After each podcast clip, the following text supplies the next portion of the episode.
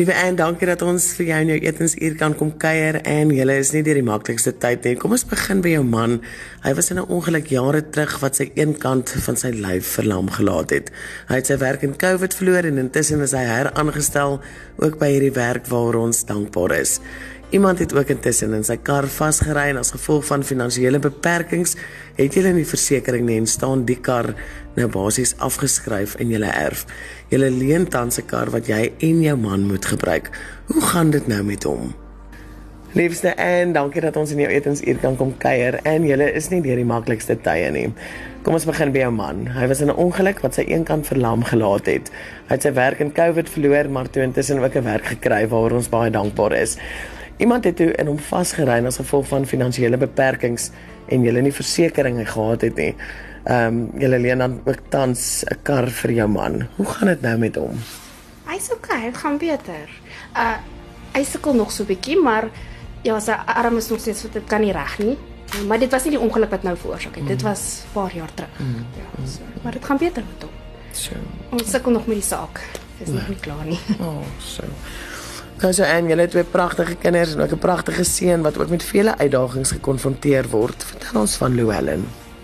O, Llewellyn is nou graad 2. Um, hy het 'n spraakprobleem en hy sukkel hy sukkel by die skool. Um, hy het ongelukkig sy twee kwartale nie gemaak nie, maar ons probeer hom help.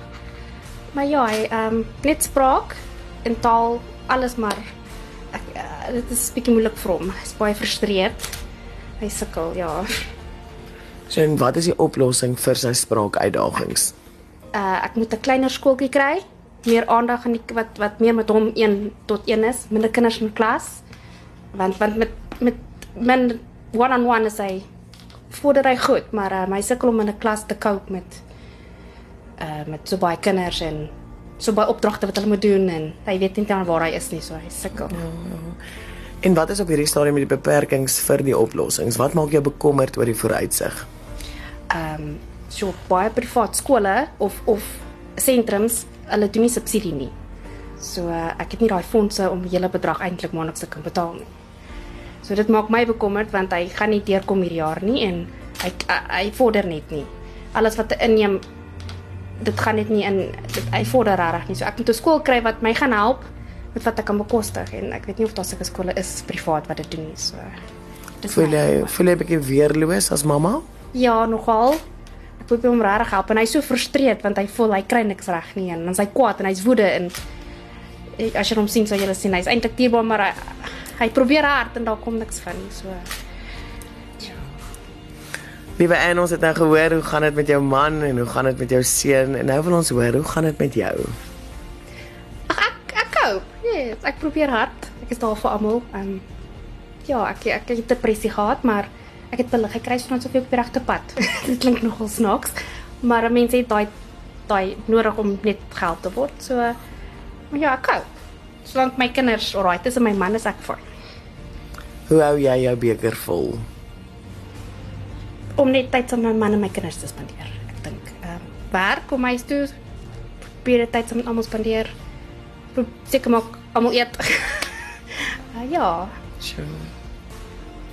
Liewe Anne, jy is 'n baie proaktiewe mamma en jy het al geld geleen by die werk om kop bo water te hou.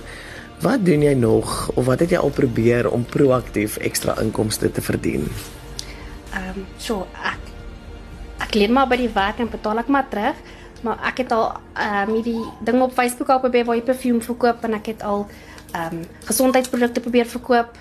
Ek het al alles getraai, maar dit werk nie eintlik so maklik soos wat hulle sê dit is nie. So op die einde dan kom ek maar terug van as jy kort kom moet jy maar gaan vra vir hulp by die werk en dan betaal jy maar terug. Hmm. So daar's nie eintlik ekstra inkomste verder wat inkom nie, dis net ek kan vra maar as dit nodig is. Ja. En hoe voel dit vir jou partykeer om te vra? Ek hou nie van dit nie. ek like dit niks nie want ek mens voel dis, dis ja, ek, ek is seker skaam vir dit, maar dis nie reg nie. Ek voel net nie dis maar ek het 'n goeie werk en hulle help my altyd as daar nodig is maar ek hou nie van dit nie want mense voel moedeloos want jy het nou net partykeer slaarse kry en dan moet jy nog dan kom iets onnodig by en dan moet jy nog gaan vra in. So dis maar moeilik. So liewe Anne, ons het nou na 'n paar van julle uitdagings geluister. Met watter bekommernisse word jy daagliks wakker? Sjoe, ek worry oor my kinders. Follow Allen. Ehm um, soos ek sê hy sukkel nou, ek moet nou skool gaan soek wat hom gaan help. Ehm um, ek wil dit, gaan oor kos. Mens moet seker maak jy het kos in jou huis. Dinge is moeilik op die oomblik en krag. Krag het hier geword kry nie ware alles wat klere vir my kinders, uh, my dogtertjie. Ek sal ek sukkel met haar ook. Sy het nie baie klere meer oor nie. Sy groei so vinnig. Ehm um, ja, soos klere en sy met kinders, kinders blok ek hulle vra altyd maar hoekom nie dit en dit nie so. Dinge is moeilik. Ehm um, ja, so dit gaan kos en klere en skryfbehoeftes en om my seentjie wat sukkel te help. So ja. So. O, jy dit tog. So en ja, die bekommernisse wat so saam met die vooruitsig is wat ons eintlik moet opgewonde maak. En waarvoor bid jy? vir 'n beter toekoms vir my en my gesin. Ehm um, so ek, ek wil ook voel voel dit om net nie een maand actually te hoef te worry nie. Regtig. Dis wat ek vir dit uh, so my Here op pad te stap en net 'n beter toekoms, ja. Hmm. Dat ek vir my kinders kan sorg beter en soos ek sê, geen geen worries vir een maand nie, want dit werk op my man ook. Ehm um, ja, baie stres, hy het baie stres ook en ek het stres, maar ons kyk vorentoe saam met die Here. Ek is seker ek hoop vir 'n beter toekoms. Ja. So waarvoor is jy dankbaar? vir 'n dak oor my kop. Baie. Ehm um, en dat ek daarom daar is onder wat ek my kinders het kos om te eet. So ek is dankbaar dat ek ja, dat ek vir hulle wel nog kan kos kan gee. Ehm um, en, en en en ek het twee pragtige kinders. Ek is dankbaar vir hulle en 'n wonderlike man. Ehm um, so ja, dis waarvoor ek dankbaar is. En dat die Here ons nog steeds help. Maak nie saak wat nie. Ek is dankbaar vir dit. Mm. Ja, tye is moeilik. Dit was moeilik met lockdown ook en dit. Tye is regtig nog steeds moeilik, maar ehm um, ek is seker dit sal beter kom. So maak ek baie dankbaar vir my familie. Okay. Ja. En voel julle baie keer as ouers as mislukkings omdat julle nie kan voorsien soos wat dit in hulle oë die persepsie daarvan van voorsiening en hoe sê julle vir hulle nee? Wat wat sê julle saam met dit? Ja, mens voel so. Ek voel ek dink my man ook. Maar my dogtertjie, sy's 11 en sy verstaan. Sy's baie saggaat, net sy het 'n baie sagte hartjie. Sy's op 'n tydjie vra na verduidelik ek vir dit. Dan sê ek vir haar volgende maand probeer. Ek draai hard om vir en en, en selfs vir Louwelen ook as hy speel ons ook ek probeer spaar. Ek probeer reg hard om hom te gee vir hulle albei wat hulle wil hê want soos as hulle sien daar's ander kinders wat dit ken en wonder en vra hulle. Maar ehm um, Louwelen is bietjie moeilik om te verstaan ook met sy wat hy sukkel. Maar Lian, sy is wonderlik met sy verstaan daar. Maar sy soms iets vra. maar sy verstaan daar. Maar ja, mens voel mislukking ek doen en ek dink my man ook en ehm um, hy wil net hy probeer 'n beter werk kry dan of so aan maar dit is almal try maar maar hulle doen mens voel en ek voel partykeer so. Ja. So en ons het nou gehoor daar's soveel mense wat afhanklik is van jou en jou ondersteuning en jou liefde, jou kinders, jou man, um, ook jou mammy wat uh, met jou pa wat in 2019 oorlede is en sy wat nou alleen is en jy is 'n absolute versorger. Dankie vir jou hart en vir die mens wat jy is. So Liewe Ann, wat is die plan? Wat vorentoe? Waarin lê jou hoop? Ehm um, en wat is jou vooruitsig? So, laat ek dink. Uh om soos ek sê vir Louwelen te help, my kinders te help. Ja, en ek ek solank hulle reg is, is ek fyn. Ek is ek is dankbaar vir my werk.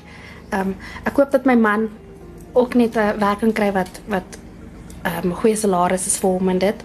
Ehm um, dis tye is moeilik.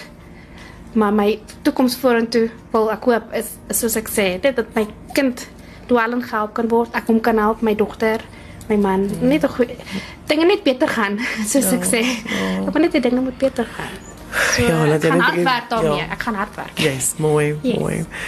So en ek weet kruideniers waarop hierdie stadium is ook vir jou 'n groot bekommernis en um, iets waarop jy nogal jou aandag fokus om vir jou kinders en jou man net kos op die tafel te kan sit. So vandag bring ons vir jou 1500 rand spaar geskenk bewys. Oh, rare. Oh, oh, dis wonderlik. Dankie. Dit gaan soveel. Oh, nog iets wat jy genoem het en is dat krag vir jou bekommernis is. So ons wil ook vandag vir jou 2000 rand kragkupon bring. Rarig. So, dankie. Dit gaan dit is wonderlik. Rarig. Ek is ek is vreeslik dankbaar. Dankie. Dankie.